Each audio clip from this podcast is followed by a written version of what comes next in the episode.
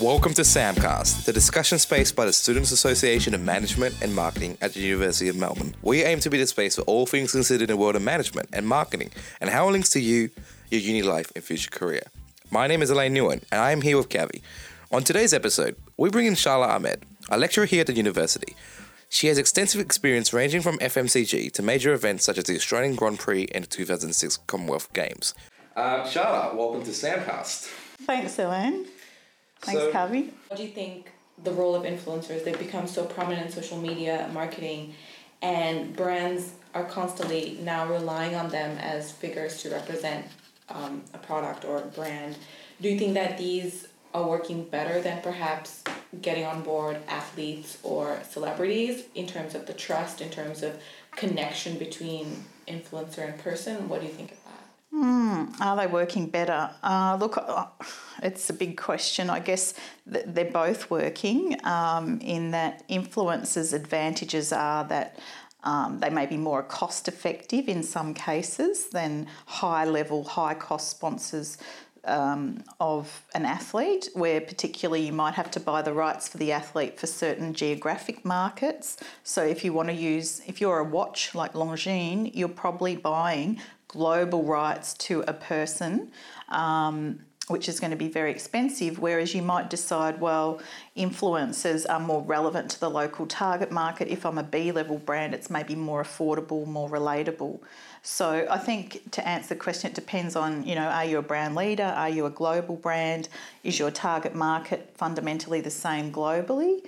Um, or or does does the influencer perhaps bring another level of realism, um, of approachability, of connectiveness that the target market can relate to? So in in terms of advertising effectiveness, I guess you've got to look at the cost and the reach, and then the effect that that has in terms of recall, um, awareness, recall, and even purchase. So someone like an athlete might have great recall, but do they really cause you to purchase? Um, you know, it, it depends on the category and the product life cycle, and I guess the price of what you're selling. Selling homewares might be different than a five thousand dollar watch, for example. And on that point about, you know, um, getting celebrities or influencers as an endorsement, what about the social repercussions? So, what if, you know, you've got someone as an ambassador, but, you know, a scandal or something from the past may come up and it kind of ruins the image, causing a bit of like a PR disaster for your company? How would you. How would you normally how norm, how would companies normally go about with that and how do they recover from you know such a really could be a very expensive endorsement that it's becoming more expensive because of the negative ramifications that's happened already. Yeah, well, um, that's something that normally you'll have a, an agreement with your your like athlete agreement or you'll have a talent agreement. And there would probably be a clause in that around good conduct and the right to terminate the contract if there is um, behaviour that breaches the brand values or or something that's um, anti-commercial. So yeah you would definitely have the right to to cancel it i guess. But um, how do you recover from that well, there's been a number of scandals. I guess somewhere people can either choose a course of action where they immediately denounce and drop the sponsored person, or somewhere they will um, work and say, you know, we've had a long term commitment. This person, it's a temporary transgression. We admit it. We're working with. In response, we're doing a donation to some charity or make good. So, um, but typically they've got to assess how big a damage that is to their brand equity and whether that's going to be a permanent thing and um, how much they've invested in the past and potentially stand to gain in the future. Um, Tiger Woods was a really good example, I guess, going back from years ago when he was, you know, a top of the golf game and he was sponsored, and then he had the scandal with his um, wife and car crash and affairs, and, and, and there was a number of things that have happened to that. Um, so in that case, the damage looks like it's going to be unable to be retracted for a fairly long period of time, and then the sponsors move move on. Um, but it's ultimately because the equity that that person has is connected to the equity of your brand. So if they do something bad, it's connecting and putting that halo effect onto your brand. So generally, you know, you will pull the pin and show swift action, But being decisive. It's not just the um, the influencer or the figure that's also you know like you said um, that affects the equity because if the brand also has a scandal, um, then it could also cause you know the standing of the figure to either they could drop out or anything like they could withdraw or boycott from something um, as we've seen over the past few years. So, like, say, with VW emission scandals or something like that. Yeah. So, VW is a car manufacturer that, if- oh, many years, I think it was 2016, had a um, scandal where they were known to have faked the car emission reports to say that they were cleaner and more environmentally friendly than they actually were. And it wasn't just like a mistake, there was like evidence that they had deliberately misled two levels of management, and there was more than one people, person, and it was um, systemic within the organisation. And that had a massive effect on their, their public image, their sales, um, their equity. And in fact, I would say that even then through to like, well, what other cars on the whole category, on the whole category, not just the brand. Same with the banking industry in Australia. The big four banks with the Royal Commission. We've just um, had two massive resigna- resignations at NAB. yeah, so yes, it's- yesterday was it or, or Friday? One or two days ago. It's Yeah, very recent. yeah. New. Um, well, at the recording of this podcast anyway. Yeah. So yeah. Yeah, so the Royal Commission in Australia was looking at banking and finance misconduct and brokerage um, and mortgages and how that was um, signed up and, and, and the ethics behind all that. And the number of the banks have been called to give evidence, and that's brought nearly every um, of the big banks into um, focus and spotlight, and their actual brands have had to do things like cancel advertising, um, reduce their spend, or come out with um, some sort of public relations crisis management response because that's actually not just damaged one brand, it's the top four brands. And I would say, and I actually put something on LinkedIn about that the other day, that it's almost got to the point the whole category, the whole industry needs to have an association come out and say, as an industry, we're doing this because the, the top four banks can all say it individually, but I think it's got to the point that the consumer thinks that whole industry, not just brand or one bank, is, is damaged. But even so, smaller non-big four banks are starting to jump in saying, "Hey, Yeah. look at us. Yeah. We're we're a smaller bank. We're mutual Yeah. funded. You know, we're good. Well, Yeah. we're banks, but we're good. You know, so it's But you know, a lot of them are owned by the big four banks. you know, much like they sound so innocuous. It's like, oh, Bank of Melbourne is a new bank. No, Turns it's out like owned by more Westpac. So there we go. Exactly. So I think um, you know it's a bit like Dove. We talked about in class Dove, Real Beauty, going on about women, but they're the same company that owns um, Axe or Lynx, where women are objectified as sort of sexual conquests. So you know when you go back to the parent company, the brand can hide behind its branding to some extent, but ultimately consumers are more savvy now to know that there's a parent company that might be behind Usually, it. there's always a parent company these Yeah, days. in or multiple yeah, relations, part of yeah. a And how multinational. does it affect that? Like going back to that whole Dove and then Axe example, like um, Dove has gotten a lot of positive reviews of you know, celebrating and you know beautifying everybody um, and, and acceptance of women. And then you have Axe, like I said, objectifying women and kind of sexualizing them. How has that affected the brand in general? I'm not aware, I guess, of their tracking. I, I, I just think perhaps more in the, the fact that that brand Axe and Lynx, um, depending on what market you're in. In Australia, it's Lynx. Um, I think US. it's yeah. Axe, Yeah. yeah. And that age group of men or boys, um, they're often still getting the product purchased by the mother or the main grocery buyer. So I think in that case, the mother may be aware. Um, but if the consumer themselves is, you know, a teenage boy or 17 to 20 year old, maybe he's living out of home and he's buying it himself, he may not be aware um, yet, just from life experience and knowledge of, of bigger companies. So in that sense, there may be a sense of um, lack of awareness or lack of knowledge. But I think the older, the more um, widely read people would probably be aware of that. And to me, it makes you just a bit more cynical about the message. Um, so, But you know, I mean, at the same time, as a marketer, I say, you know, good on them. They're doing what's true to that brand. Um, but uh, just in Dove's case, but with Axe, I think um, no doubt that works. I mean, I've worked in alcohol marketing, and sex appeals do definitely work. But I think there has to be, you know, there can be it can be done in a way that's clever. Um, and not so, um, you know, when perhaps the actor, the female, has more power in the position of the um, commercial and and therefore it's showing more empowerment, perhaps, um, or equal equal power relationship between the two characters. So it can be done. And that was my um like kind of follow up response was, if if it suits the target market, can you get away with it, and can you even justify as to I think why? yeah, I think you can.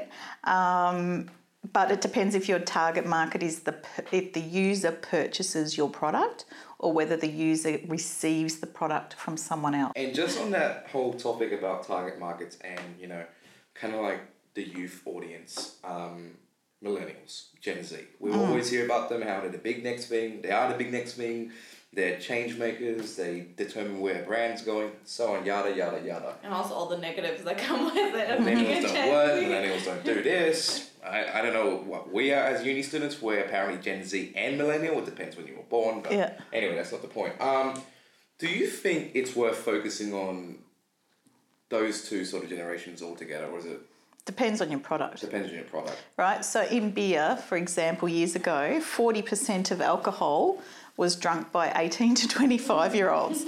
so nearly half of the literage in that category is consumed by just a seven year age Yeah. band when you know you can drink alcohol up till 85 so there's 60 more years that's only 60% so it, it's overrepresented in volume. So um, they're finding that the purchasing power of that generation, um, perhaps with things like home ownership being out of reach, they're spending more money on shorter term things and experiences. So again, it depends on the category. Um, you might not have as much luck selling a bank loan as you would a handbag or a, a holiday, for Oh, especially the holiday industry, you know, Yeah. brands like Contiki and Yeah. About the experience, about the journey, rather than saying you're going on a vacation to A, B, C. No, you're going through this whole life process. Yes. Especially young people. We all love to travel. Yeah. We all love to Yeah. get out So do we old people. that, that's that's another market in itself. In cruises, APT, Granny travel. APT. I'm not on bus tour But I yet, feel like thanks, that's Ella. why Airbnb has worked so well because they of, of all ages as well. Uh, and, and, and because they're selling an experience, it's more like live in a house that like a local, yeah. a local be, be like Yes. a local, you know, engross yourself in the culture and and that that And it's also, you know, yeah, it's good value. Yeah, millennials and G, um, But, you know, obviously with um, over time, if you think about a product like, say, baby food, now I know you don't want to think about that yet, and nappies. and nappies. Yeah. But say there'll be a window in a life cycle where you will purchase that product. So, for example, from the birth of a first child through to the age of the youngest child, um, sort of graduating out of that, could be a period of five to 10 years Yeah. that a, a family will be in the market for that. So, at some point, that market ages and you've got to replace that market. So, I'm sure that there'll be some Gen um, Z uh, people that will have children, for example, and that they will become a target market as their life cycle enters in that sort of age range of of being um, appropriate for a certain category. Because in some categories, you fully replace your customers; you don't have them for life. Say, like maybe a mortgage company or home insurance might have you for decades, Yeah, whereas yeah. something like baby products or childcare or things like that are very sort of short term. They're five to ten years. But is there but is there something that is there any particular you know brands or markets on the top of your head that has kind of like a target market from start of life to end of life? I'd say banking. Um, Banking, yeah, yeah. because that's, you know, people need finance and payment. And um, you see the banks now appealing. I don't know if you've seen the wearable, you know, the payware. So caps and little chips and rings, the halo ring, that are like a pay wave. They've Uh, got I'm notorious for that. I use watches and I use my phone. So yeah, Yeah, they're yeah. very they're becoming like uh, smart wearables. yeah, smart. Yeah. smart wearables, but it's still the, the the need that it's servicing is payment for something. Yeah. but it's just in a new technology technological form. So, Um, like PayPass. I mean, that wasn't a Yeah. years ago. Now Yeah. everyone's tapping and going. or even what's old is new again. Like we used to have lay-by when I was a kid, and we had no credit cards. You used to go and put like care brands. You'll have a cradle to grave thing like Panadol, for example, Oh, yeah, from sure. baby Panadol through to you know old age osteo Panadol. yeah. So it just it might be within the family, and then they have sub brands that, that appeal to you in the different ages. Um, I think before you were talking about you know brands supporting influencers, and again we kind of moved into a little bit of a social cause and staying in line with that. Um, what do you think of the idea of brands supporting these social causes um, and how they play a role in the brand equity? Do you think? Um, I know before the podcast we were talking about Nike and Gillette and their support of certain um, causes. How, how do you think that plays to improving or perhaps changing the brand and what it represents? So why do you do sponsorship or causes as a And brand? is it effective? Yeah. As Yeah. Because it also seems a bit risky as well because Yeah. you're put, you're basically putting yourself as a brand on a side in such a very contentious, you know, potential um, d- debate happening in the communities Mm. right now. You know, especially like Nike and Gillette. Look, I, I haven't done a lot of social marketing. Um, the only thing, well, I guess we've been signatures to is responsible service of alcohol, which in, in itself is like a commitment the industry makes not to, you know, encourage excessive or underage drinking and things like that and responsibly advertise it. Um, but I mean, as a brand manager or marketing manager sitting back and looking at my marketing mix, I could do advertising, I could do PR, I could do a number of things. Why would I choose a cause? Um, to me, it it depends. I would make the decision based on where I am in my product life cycle. Am I a new entrant or am I an old brand that's declining? I'd look at where I am versus my competitors. Or maybe I'm just small and unique and I want to associate myself that's something I know my target market really aspire to. And it might be because of cost effectiveness, because actually to, you know, do mass media might be too expensive, but to do a cause might be there. But, you know, you've got to ask yourself questions like, am I the only sponsor? Do I have exclusivity? Um, look at how diluted your association with that event becomes and I think, um, you know, I've done a lot of things where we're just a secondary sponsor and we really only do it for commercial reasons like serving alcohol at that event.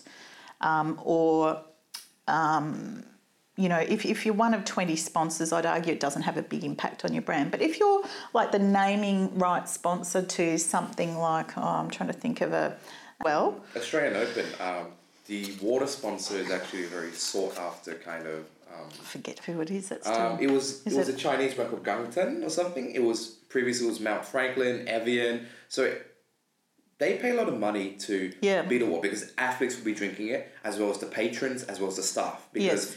it's during the summer, a very hot time. Yeah.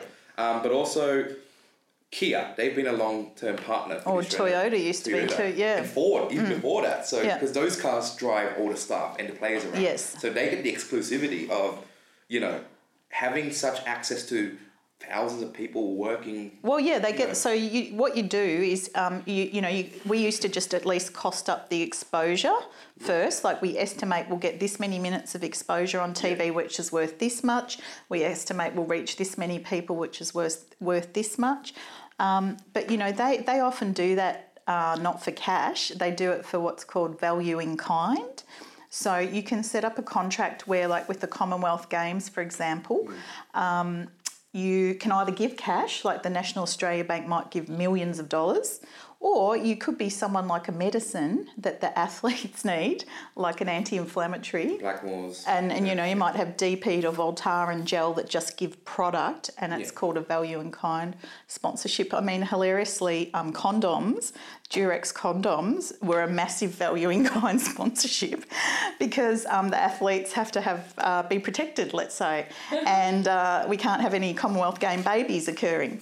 So they would provide. Um, you know, and that was a hilarious point for the media to always discuss which country went through more So they were, they were officially done now in kind. They were actually yeah, done. giving. Yeah, they're just giving. They don't pay cash. They would give away um, their product, dollars, let's say. So, and I think that's a perfect segue into like your whole um, experience with event marketing um, and the sponsorship. And so, do you think that when you work with sponsors to sponsor games or the Grand Prix or the Commonwealth, they may not necessarily do it for the sales per se? They might. Is it just just to get their name out there? Yeah, that's a really good question. Well, let's take Foster's for example. That's really interesting, and it's many years ago I worked on that. It's not a naming rights sponsor anymore. But when I worked on that, Qantas was the naming rights sponsor, the, the one that was called the Qantas um, Australian Grand Prix. Yeah, And then they dropped out six weeks before the event, and there was panic at the station. And um, we were, Foster's was a second tier sponsor. And I said, like, we're not selling a lot of Foster's beer in Australia. Why are we spending this much money on a sponsorship? Like, it's not viable. And the answer was, well, it gets broadcast to the UK where the brand is very big and it's the international broadcast that actually pays and makes it cost effective for us to sponsor Rather this. domestic one. Yeah, so although it's running in Australia and Australians will see it and it's an Australian brand, most of the sales of the Foster's beer are in the UK and some parts of Europe. And the Grand Prix, being international, is broadcast through and has a lot of viewership in offshore markets. So the reason you would do that is. Um, um, going back to your question, I guess is is it viable financially, and it could be from from Global view perspective. global perspective. Um, I know you said you worked more on the sponsorship side with these events, but could you speak to the effect of perhaps marketing and experience, such as you know attending the Commonwealth Games or the Grand Prix, versus marketing or selling an FMCG product? Do you think? Like, what are the big differences, and how do you do that? How do you market an experience? Well, yeah, so, so I've marketed like meat pies and beer, and I've worked at companies like uh, the Games where that is a multi, m- you know, uh, multiple parties and stakeholders involved in marketing it. So at the Commonwealth Games, you had Tourism Victoria, who was funding some of it. You had City of Melbourne because it's run in the City of Melbourne. You have some of the local council people, and you have the Commonwealth Games organising committee, and you had the M2006 actual team. So you had five stakeholder organisations that all have roles in marketing that. So tourism would have a role in bringing people and advertising airfares and accommodation. City of Melbourne would have role in terms of transport and accommodation and um, businesses like local businesses. Um, even Vic Roads was involved because uh, roads have to be shut down for different public transport. So there's all parts of the games experience in the pre-games, what's called the pre-games period, in um, in I guess creating it as a destination, then selling ticketing. Um, the ticketing and hospitality that's like actively run to get people interested to, to, to attend and then you have like selling of the broadcast and marketing of the broadcast. And then you have these people that put the experience together which is like the pre-match entertainment um, wayfinding signage um, food and beverages. I mean there's so much that goes behind an event um, even down to like where you can park the bus i mean that was part of my interesting part of my job is like you know the sponsors have spent 40 million dollars they don't want to walk um, from south melbourne to, to the mcg they want to park at the mcg um, but how do you get 40 or 60 buses in in one Everyone hour wants to park the MCG, yeah. yeah. So you know, you create things for the the marketing. Actually, includes a lot of operations to act, what's called activate those benefits. Um, whereas with with food or um, beverages, you know, you're typically working a maximum on five year plans, but more more concisely on a one year marketing plan where you have a market share objective. You might be launching new products. You have three or four major distribution channels, and your job is to look at the whole marketing mix of product,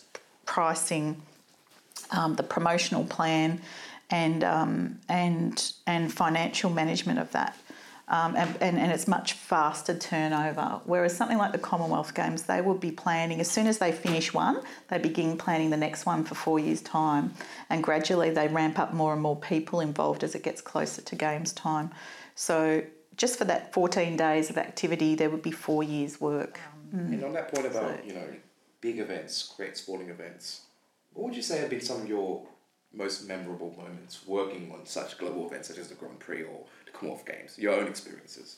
Oh yeah, well I mean, look, I don't want to paint the picture that you have this long lunch and great experiences all the time because you're basically burnt out and exhausted from working 60, 70 hours and, yeah. and, even working for in a wine company. The only long lunch I had was on my last day. Um, but having said that, as part of your work, like what have I done? I've been behind the pits at the Formula One. You know, we've had Mark Webber in to speak.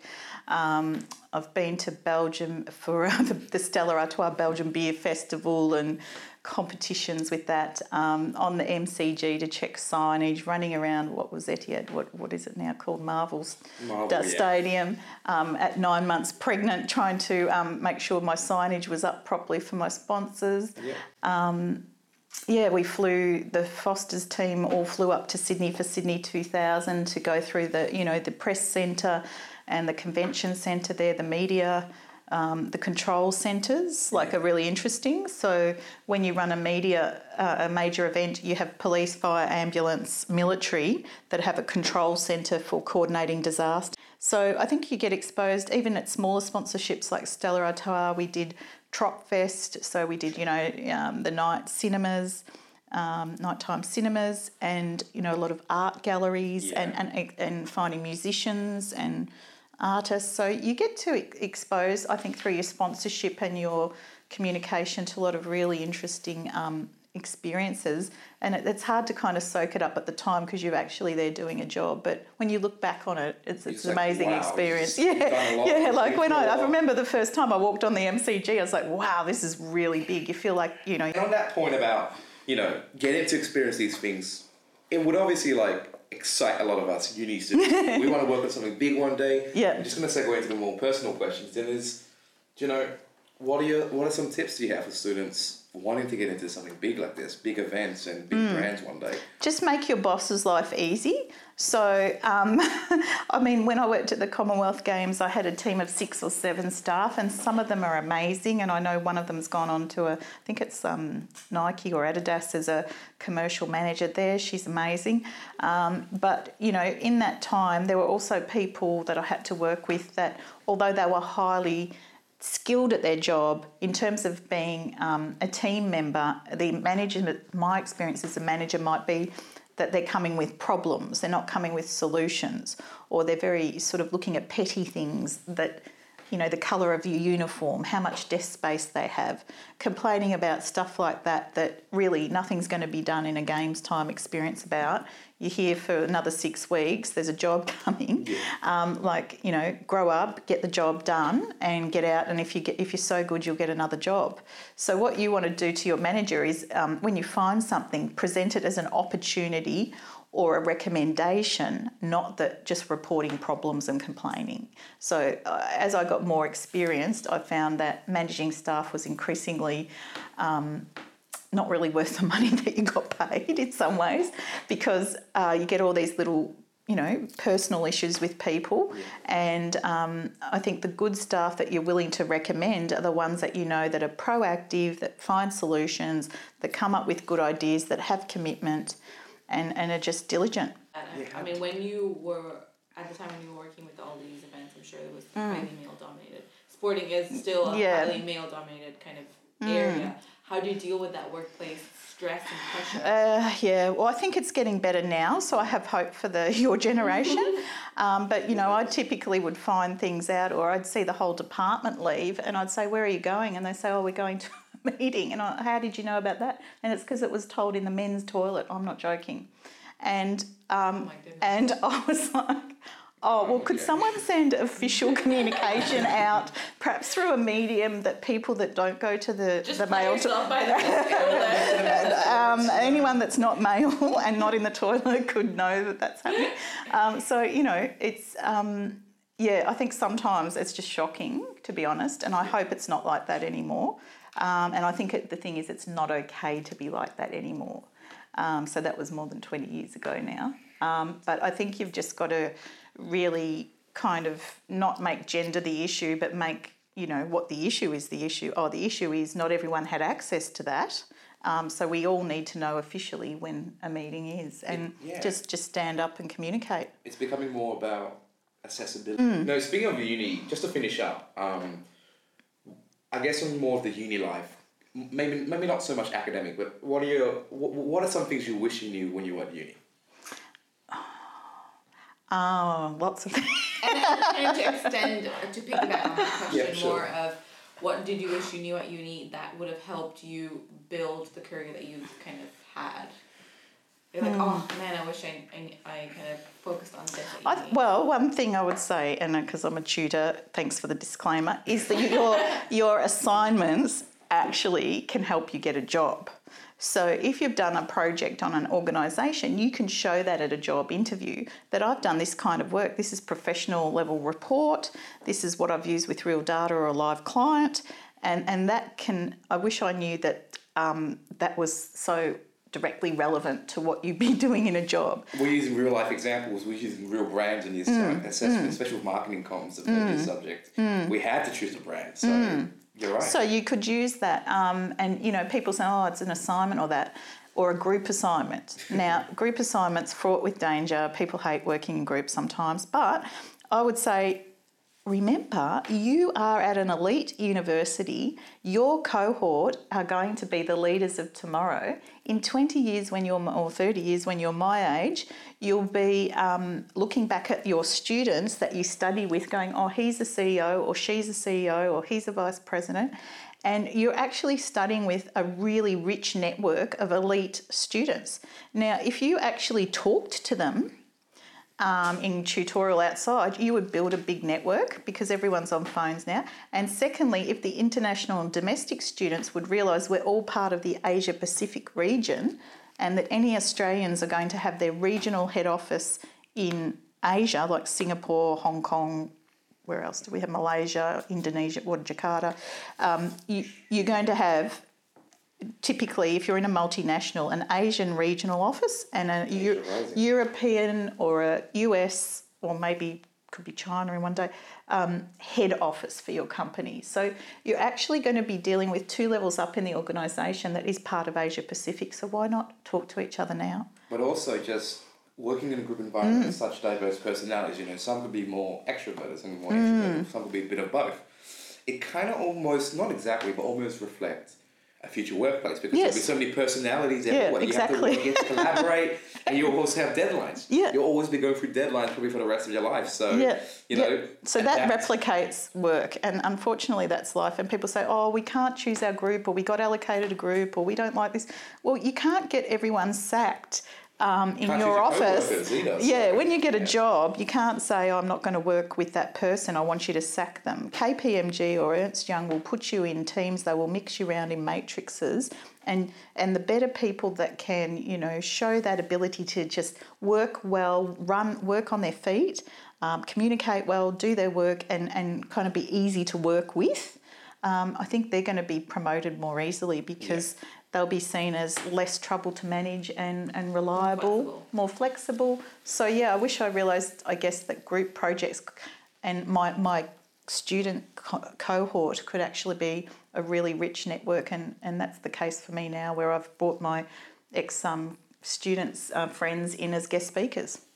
This is pretty much the end of the podcast. Do you have any final co- thoughts or comments you want to say before we finish up? I'll just give a plug for marketing because I think um, marketing uh, attracted me as a career because it was not quite as um, financial as, say, accounting. Obviously, you need basic accounting skills to read your profit and loss and your costings and your profit of your product. But it had all that creative side with advertising, with events, with packaging, with design, um, with all the activities that you can bring. And now marketing is becoming almost almost a science subject because you've got data, you've got big data, you've got tracking, analytics. Um, you're going to have user experience, artificial intelligence that you can program in to do certain things in your in your um, selling process. Yeah. So, like, it's really going to become a, a merger of finance, creativity, um, marketing, and, and computing and IT. So, I think it's um, the only area in the business that really drives long term repeat sales. Um, you know, you'll have a fight with the, the selling department that say, well, we sell, and you can say, well, no, you sell to the trade, but we get the customer to buy it and continue to buy it. And so we're the only ones that create offtake and repeat repeat um, revenue. And um, but having said that, you need to work with that, and um, you need to sort of push the brand as um, a profit centre, Yeah. not just as m- maybe accounting see it as a cost centre. So I always say, if you want to take away my budget, take away the revenue as well. Well, thank you so much, Charlotte. Thank you so. And we've reached the end of our time here with Sharla. Once again, thank you so much for coming in. In the meantime, you can connect with us on social media and LinkedIn. This has been a production by the Students Association of Management and Marketing at the University of Melbourne. We're Elaine and Kathy. Bye for now.